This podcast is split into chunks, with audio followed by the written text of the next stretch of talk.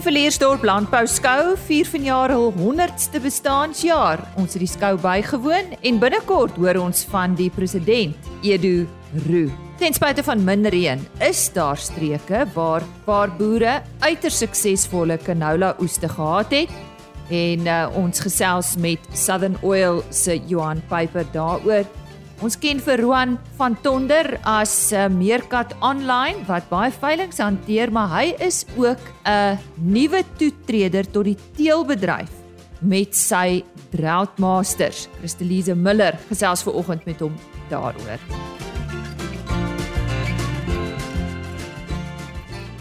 Dan op volgende program. Goeiemôre, hartlik welkom by RSG Landbou.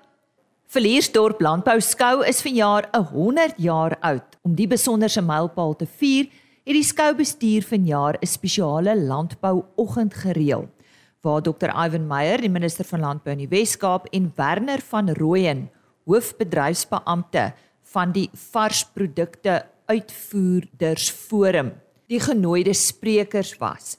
Die dag is deur sowat 250 mense bygewoon.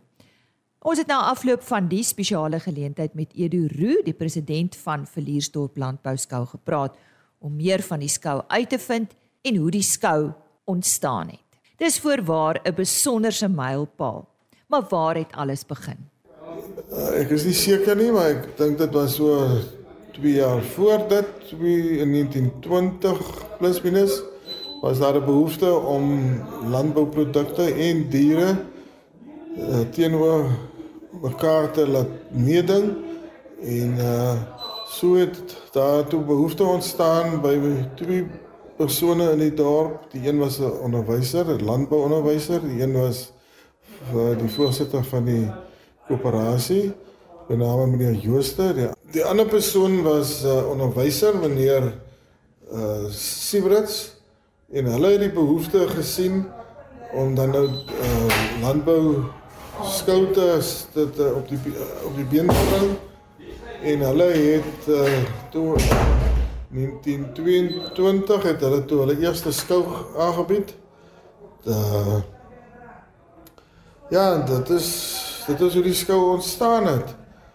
3, 4 jaar na dit het hulle behoefte gehad aan geboue uh, infrastruktuur op die perseel en uh 'n goed gunstiglike afgetrede boer het toe gekom van Grabouw af wat hier kom aftree en hy het toe geld voorges, voorgeskiet om uh gebou hier op te rig. Die gebou staan nog steeds hier. Dit is sekerlik 'n gedenkwaardigheid.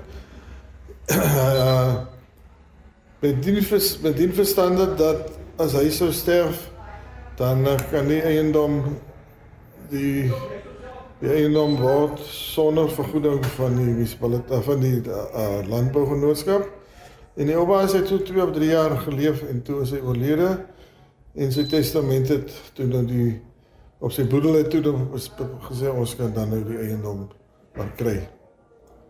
Ja so het ons nou In 1995 het ons op 'n terugvalklausule wat daar geskryf staan in die munisipaliteit die munisipaliteit het ons uh, op, op 'n bedrag ingekom in die munisipaliteit en ons het die eiendom toe gekoop en ons het uh, gebou hier opgerig en uh, vandag is ons die trotse eienaars van ons eie perseel en alles wat hier is is deur Verleersdorp se boere gebou en opgerig. Die skou is as 'n meer tradisionele vrugte en groente skou begin met melkbeeste en pluimvee as die dierekomponent. Later is dit verander na 'n veldblomme skou met diere. Hy vertel meer hiervan. Aan die begin het die skou baie staat gemaak op dorpenaars wat kom skou het. Byvoorbeeld uh mense wat hoenders aangehou het in die dorp en wat eiers verkoop het aan die winkelier. Nou ja, die mense dan met hulle eiers het hulle die skou ondersteun, eh, kompetisies uh, daar gehad, melk uh melkbeeste het teen mekaar gekompeteer en groente, hulle het baie met groente op die skou meegeding. Selfs die dorpenaars en dan die boere ook. Boere met uh, trosse drywe, grootste trosse, mooiste trosse en perskes daai tyd Februarie maand en toe dit nou toe dit nou verander na Oktober toe wat die vrugte toe nou uitgefaseer het. Uh, die skou was tradisioneel in in in Februarie maand as dis die tyd waar nou baie ryp vrugte was of steeds is. Maar toe het die komitee besluit hulle wil 'n veldblomme skou aanbied. En toe het hulle die skou van Oktober van Februarie na Oktober maand geskuif. En dit is nou toe was daar vir die volgende paar jaar was dit nou 'n vrugteskou en op die oomblik is dit maar net 'n gewone landbouskou wat diere, perde, beeste ensovoorts aanbied. En uh in 1972 uh het ons toe besluit om die om die die uh, Februarie skou na Oktober maand te verander. En daai jaar het ons toe twee skoue gehad. Die Februarie skou en toe ook die Oktober maand skou wat ons toe nou die uh, veldblomme skou gehad het. Nou as gevolg van van uh tyd wat boere maar besig is in in Februarie het het het die vrugte inskrywings maar begin minder raak en minder raak en dit was later nie meer die moeite werd om in Februarie met die vrugte skou aan te gaan nie en daarom het ons op die Oktober maand gekonsentreer uh want uh dit was nie meer relevant om met vrugte te skou nie. Soos vrugte en groente het die veldblomfase ook sy einde bereik en moes hulle weer aanpas. Edu verduidelik hoe die skou die laaste paar jaar moes verander om relevant te bly en hoe het vanjaar se program gelyk. Die diere het maar uh, minder geraak omdat ons nie juis 'n groot uh, beesarea is nie, is maar een of twee groot beesboere. Met ander woorde uh, as ons wil 'n beeskou hou, moet ons baie vertoners van elders af inkry vir kompetisie maar uh, ons konsentreer dan maar net meestal op op uh perde wat ook maar van ander plekke afkom en dit is baie makliker om die perde van elders af te kom om te kom skou. Uh ons het vanjaar het ons 'n dierelading wat ons 'n statiese uitstalling het van verskeie beesrasse, vleisbeesrasse. Uh dit is 'n eerste vir 'n baie lang tyd en ek glo dit sal uitbrei omdat dit 'n groot lang belangstelling gelok. Ons het ook vir die eerste keer 'n uh, jeugskou, ons was baie bevoorreg dat ons dit die Tiwaters Kloofstreeks jeugskou kan noem. Uh dit is 'n groot aantrekkingskrag vir die publiek om na die kinders te kom kyk waar hulle met hulle onderskeie diere meeding. 'n Trotse oomblik vir Edu en sy skoubestuur. Wat het hulle gedoen om hierdie besonderse dag te vier en hoe lyk die pad vorentoe? Ja, ons is nou 'n eeu oud. Ons het besluit ons moet van hierdie geleentheid dan iets besonders maak. Ons het 'n uh, landbouers oggend gereël vir die Vrydag wat uh, deur so 200 boere bygewoon is. Ek glo dit is nie net boere nie, daar was uh insetverskaffers ook. Ons is dankbaar aan die borgers wat vir ons daar uh, finansiëel bygestaan het en dit was 'n groot sukses. Ons het ons het van meneer Werner van Rooyen van die varsvrugte uitvoeringsforum hier gehad wat vir ons uh die tendense oor die huidige marktoestande vir die uitvoerderskant uh uitgestipel het. En ons het ook vir minister Ivan Meyer, uh, minister van landbou van die Weskaap gehad wat 'n baie baie uh, vertroostende toespraak gebring het. Almal is weer lus om te boer glo ek na hierdie wonderlike uh, toespraak wat hy vir ons gebring het. Ja, ons het nog tot hier gekom en nou wat nou vorentoe? Ek glo daar ja, is manne wat by my sal oorneem en uh, die ding sal verder vat en ons beoog om op dieselfde manier as wat ons hierdie skou van verjaar aangebied het, dit elke jaar te doen en te kyk of ons dit kan uitbrei. Uh, dit want dit was 'n wonderlike ervaring vir baie van die mense of ek glo vir almal wat hier was. Baie mense het al reeds vir my gesê dit is dit was 'n wonderlike dag en hulle sal dit graag in die toekoms weer wil sien. Die president van die Villiersdorp Landbouskou, Edu Roo, wat vandag met ons gesels het oor hierdie skou en die Villiers Landbouskou is vanjaar 100 jaar oud. Nou môreoggend op RSG Landbou gesels ons met Werner van Rooyen wat soos ons vroeër genoem het een van die gassprekers was en hy is hoofbedryfsbeampte van die varsprodukte uitvoerders forum en jy kan seker raai waaroor ons gaan gesels. 'n Jong dinamiese beesboer glo die goeie eienskappe van die geharde en veelsidige Afrika Droughtmaster beesras wat veral goed in die voerkraal produseer, gaan hom na hoër hoogtes neem. Roan van Tonder van Soetvelde Droughtmasters is 'n nuwe toetreder tot die teelbedryf en het vanjaar sy eerste stoetdiere aangekoop. Hy boer saam met sy pa Nico in die Potchefstroom en Kroonstad distrikte en is ook die stigter van Meerkat Online Auctions. Christelise Miller het onlangs met Roan gepraat. Roan, goeiedag, is lekker om met jou te gesels. Hoekom het jy besluit op die Troutmaster ras? Ag nee, baie dankie vir die geleentheid en ja, ek het in die eerste plek ek dink 'n geleentheid om om baie veilinge te kom met die meerkatbeen wat ek het, so ek, ek kan nogal verskillende rasse dophou en die tendense en dan is daar ook 'n persoonlike smaak waarvan nou ons ook hou en en die Droughtmaster ras het net met my gepraat en het vir my al die boksies getik wat vir my belangrik is. So ek het hom dopgehou vir 'n rukkie al en gesien die, die verskillende teelers wat betrokke raak en die verskillende ouens wat in die bedryf inklim en gesien waar hy tans lê teenoor ander rasse in terme van die getalle is dit nog 'n tiende teenoor wat ander rasse het. So en hy beskik oor amper basies al die eienskappe van al die ander rasse wat goed is en selfs meer. Onder andere dat dit 'n medium raambees is. Al hoe meer ouens probeer wegbeweeg van die groot raambeeste. Dis net baie meer produktief en effektief om met medium raambeeste te kan boer en dan sy vrugbaarheid, sy aanpasbaarheid in verskillende plekke oor die land en verskillende habitatte en omdat hy uit die Australiese lyn uitkom, is hy geteel vir die outback ook, jy weet om droogte te kan bestaan en ons wat eintlik 'n semi-woestynland is wat baie onvoorspelbare reënvalle het. So jy moet 'n aanpasbare bees kan hê. So dit het vir my nogal uitgestaan en ek dink die voerkrale omdat ons 'n agtergrond het in die voerkrale, is dit 'n bees wat baie goed presteer in die voerkraal. Ehm um, dis gesog as jy vir enige gemiddelde ou wat 'n speenkalf produsent is en hy jag sy draadmaster bil kallertjies in 'n veilingring in, gaan hy 'n goeie prys kry 10 teen 1. Jy weet as dit goeie kalvers is, gaan hulle beter as die gemiddelde pryse gaan. O as gevolg van hulle erfdwang.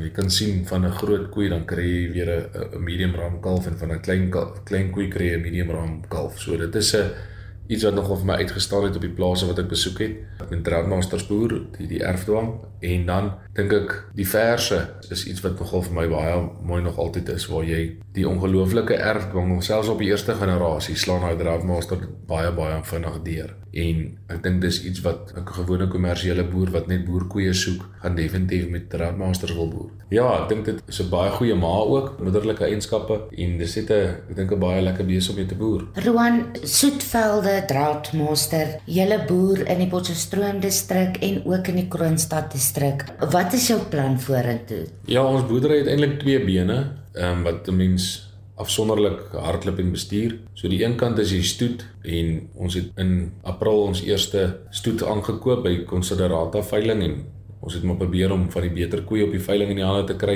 en ons is maar altyd op die uitkyk as daar iets regtig spesiaal is op 'n veiling dan sal ons graag probeer ons hande op dit te kry om so oor tyd die top top genetika in die land te bymekaar te kan maak en dan verskillende bulle se semen bymekaar te maak wat ook gesog is wat die verskillende Australiese lyne het en wat jy kan gebruik op dit wat jy het en om dan ook embryos te maak. Ons is redelik intensief besig aan die embrio spoelingsprogramme en om dit dan oor te plant aan ontvangerkoeie en so ook daai top genetika te kan vermenigvuldig sodat dit bietjie kan versnel en dan daai genetika nie op die voete kan bring en en in die mark in te kan bring op die eendag. Dis die een kant en dan die ander kant is 'n gewone kommersiële boerdery waar ons speenkalvers produseer en dan net draadmaster bulle gebruik op verskillende rasse So dit is hoe ons dit wil boer. Ons wil speenkalvers produseer in hulle background en maar die voerkraal sit die billetjies en in die verse gaan ons wil terughou en vir onsself as vervangingsverse wil gebruik om met te boer en die oortolliges gaan ons dan wilderagtig maak en verkoop en koeie met kalvers en sulke klas van dinge sodat ons iets kan hê wat in die mark daar buite soek altyd kwaliteit. So ons wil altyd probeer om 'n premie te teel en 'n premie te kry, maar dan moet jy jy moet baie goeie beeste kan teel om dit reg te kry. En soos jy nou nou ook verwys het ten opsigte met die stoet, jou strewe is om gehalte diere aan die mark beskikbaar te stel. Nee, is net so want soos enige ou as jy van 'n besigheidsoogpunt af moet kyk, as jy nou in die stoetbedryf wil intree as 'n nuwe ou en ek leer nog elke dag ek het beperkte kennis nog van die ras en van almal. So ek leer my elke dag en ek probeer so vinnig as moontlik by almal die ouens die verskillende lyne te leer ken en daai klas van goed. So vir my om te kan inkom en dan te kompeteer teen gevestigde ouens en die top teelers in die land. Hoe kry ou dit reg? Jy weet jy gaan jy begin agter en jy hoe hoe hoe haal jy in en vat hulle verby dan eventueel. So dan moet jy die beste by elke ou probeer kry en en die beste parings probeer doen met die verskillende saad wat jy het om dan sodoende die beste beeste te probeer teel en dan iets te kan teel wat selfs daai top teeler sê jy daar by Soetvelde Troutmaster is nou iets geteel wat hy nie in suiker het nie wat hopelik hy graag kan raak sien en kan gebruik wat weer suiker weer verder vorentoe kan vat. So dis iets om probeer iets te teel wat die mark altyd sal soek en en om dan te kompeteer met die kommersiële mark waar jy kan bulle hê en teel en sê ons soek bulle om goeie speenkalvers te produseer. Diere wat klein kalfies gee wat maklik koeie wat maklik kalf, maar wat weer vinnig groei en goed presteer in 'n voerkraal. So dit is die doel wat en ek dink die Droughtmaster is vir my met die navorsing en huiswerk wat ons gedoen het, is vir my seker die ras wat die beste uitstaan op dit. Jy het nou 'n Droughtmaster bulle aangekoop. Wat is jou plan met met die bulle? Ja, ja, ons het um, ons het ons eerste 3 bulle wat ons by Hotspot Cattle by Stompwiele gekoop het en hy is een van daai teelers wat ek praat wat regtig en ek dink in die voorlopers in die bedryf is en waarna ou sien as een van die rolmodelle vir my waarna ek opkyk. En ja, ek het die 3 bulle daar by hom gekoop en ons gaan dit gebruik. Ek en my pa, ons boer lekker saam. So ons gaan dit gebruik op kommersiële. Ons het ons het 'n bil gekoop wat ons op verse kan gebruik en dan twee bulle gekoop wat ons dink kan baie goed werk op verskillende koeie van ons wat vir ons baie mooi kalvers sal teel. So ja, ons het aan die kommersiële kommersiële sy. Aan die boek kommersiële kant. Ja. Dis wel stoetbulle en afhangende hoe hulle nou teel en alles kan ons hulle in die stoet ook gebruik. Maar vir vir die doelwit vir van die oefening was om kommersieel te gebruik. En weidingsgewys, jy is 'n groot voorstander van drukbewyding. Dis reg ja, ja, ek is my geaardheid is om altyd maar probeer dit waarvoor ouens nie regtig kan sien nie, dan sal ek gaan kyk of ons kan ons 'n plan maak om dit te maak werk nie. En die drukbewyding is een van daardie konsepte wat ek gedink het maak verskriklik baie sin. En dis wel intensief en dit het wel sy uitdagings, maar ek dink as jy jou strukture en jou bestuur op die plaas in plek het en hoe jy dit doen, dan is dit eintlik eenvoudig. Ek het ook wel agtergekom het ook ook nie enige bees pas in met 'n drukbewydingsstelsel nie. Van hulle pas nie aan nie dan moet hulle uit. As jy drukbewyding wil doen, dan kan jy nie met daai beeste boer wat daaraan aanpas nie. Hulle val uit mekaar uit, hulle raak nie dragtig nie. Hulle het swak melkproduksie. Hulle immuunstelsels is sommer af want hulle is eintlik maar gestres. Dan kry jy beeste wat baie baie goed doen en hulle pas so vinnig aan dis asof hulle in 'n groot oop veld loop. En die Draadmasters is een van daardie beeste wat ek agtergekom het pas goed aan in die drukbewyding. So vir ouens wat drukbewyding wil doen en selfs met net die Draadmaster bloed in hulle kudde sal kry en die boer met um, of jy boer op 'n manier wat jy drukbewyding 'n vorm van drukbewyding op jou plaas toepas onder besproeiing in die veld. En as jy jou veld wil verbeter soos my pa gesê het jy boer maar eintlik maar met gras. Um, as jy met beeste boer en dis die, ek weet nie van 'n beter manier om jou gras beter te bestuur en te vermeerder as met drukbewyding nie. Wat is die voordele vir jou ten opsigte van 'n drukbewydingsstelsel die feit dat al die gras op die plaas word benut. Van die suurgras die on, onkruid, selfs hulle eet tot die bossies wat jy dink nooit sal geëet word nie. Daar's nie selektiewe vreters nie.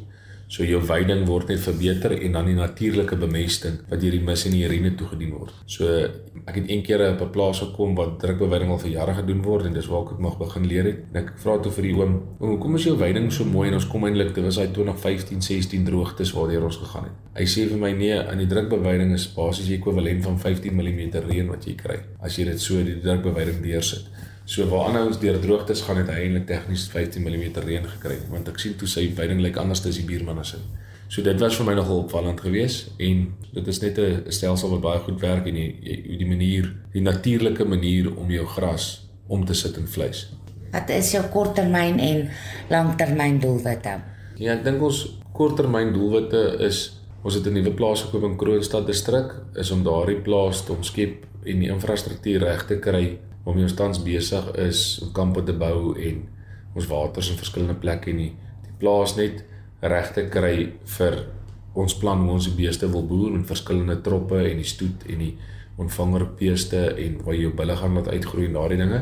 So dis waarmee ons besig is en dis 'n lekker uitdaging. Dit is lekker om te sien hoe hierdie plaas verander en en wanneer 'n plan in plek begin val en raak 'n realiteit. So dit is om al die diere daar te kry, die regte bulle te probeer kry en by die regte koeie te sit en dan op die einde van die dag om 'n veiling te kan hou afhangende hoe dit gaan met die embrio's en hoeveel koeie jy dragtig kry en daai klas van dinge om dan miskien in 20 einde 2025 ons eerste veiling te kan hou anders as hulle 2026 wees waar ons 'n stoetveiling gaan hou.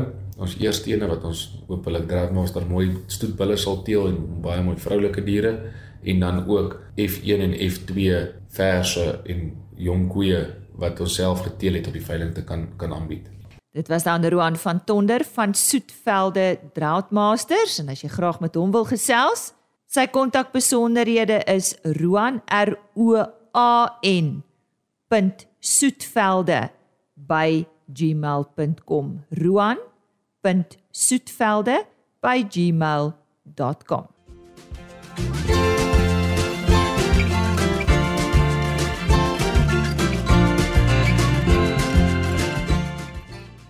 Ons gesels natuurlik graag ook hierdie week met Soil of Southern Oil oor ons canola produsente. Hulle is natuurlik baie besig op hierdie stadium, maar om ons op hoogte te bring, ons gesels met Johan Piper. Hy is 'n landboukundige. Johan, nou, ons gaan so 'n bietjie verder gesels uh, waar ons laas opgehou het. Ek dink ons het so 'n maand gelede met jou gesels, maar voor ons daarby kom oor waar staan julle nou en um, hoe lyk opbrengste? Die bedryf het gegroei van 400 hektar tot by 124000. Wat het gebeur? Hoe het dit gekom dat jy so groei? Ag net om eerstens te noem Lise, die canola industrie is ongeveer 25 jaar oud in Suid-Afrika. Dit is baie jonk in vergelyking met die res van die wêreld. Ehm um, maar tog was die innovasie van die gewas uitmuntend in die laaste 10 jaar in Suid-Afrika. Uh eerstens dien die gewas as 'n waardevolle legkaartstuk in die wisselboustelsel van die Wes-Kaap wat vele agronomiese en omgewingsvoordele inhou. Die agronomiese voordele tesame met verbeterde bestuurspraktyke, goeie markpryse en die gratis landboudiens wat so aan produsente bied is als deel van 'n geïntegreerde plan wat baie effektief uitgevoer was oor die afgelope dekade. En hierdie geïntegreerde plan dien verseker as 'n dryfveer in die toename in hektare. Johan, so waar staan ons nou in die seisoen? Produsente in die Suid-Kaap is in volle vaart besig om te oes en alreeds so 15000 ton saad is by die opberging silos ontvang. Die Oeverberg het ongeveer 'n week terug amptelik begin oes en alreeds oor die 5000 ton is daarso ingebring. In die Swartland is daar al hier en daar 'n vrag canola gelewer, maar meeste produsente is tans besig om die canola plat te sny of dood te spuit Uh die canola behoort dan binne die volgende week of 10 dae reg te wees om te oes en ons verwag dan dat die oestempo drasties sal toeneem in die Swartland. Ehm um, een ding is verseker op hierdie tydstip van die seisoen het almal slegs een ding op die brein en dit is om die saad in die silo's te kry. Klink vir my besig. Hoe hoe het die seisoen uitgespeel Johan? Ons is op sekere verbouingsareas so 150 tot 200 mm onder die langtermyn gemiddelde reënval en die reën het vanjaar oor die algemeen dun en min geval. Uh produsente het gehoop om in September en Oktober tydens die blom en peulvulfase meer reën te ontvang, maar slegs 'n paar los reënbuie het op die einde gerealiseer. Boonop was daar uitskieter daar van meer as 30 grade uh, Celsius in September wat sommige pele op die plante afgespeen het en 'n bietjie uh verliese tot gevolg het. Alhoewel die reën min was, het minimum bewerkingspraktyke in die Suid-Kaap en die Oeverberg bewys hoe effektief dit in vogbewaring is en kon die plant met baie min vog steeds die pele vul. Um in die eerste week van September het die Swartland die laaste ordentlike reënby van die seisoen ontvang.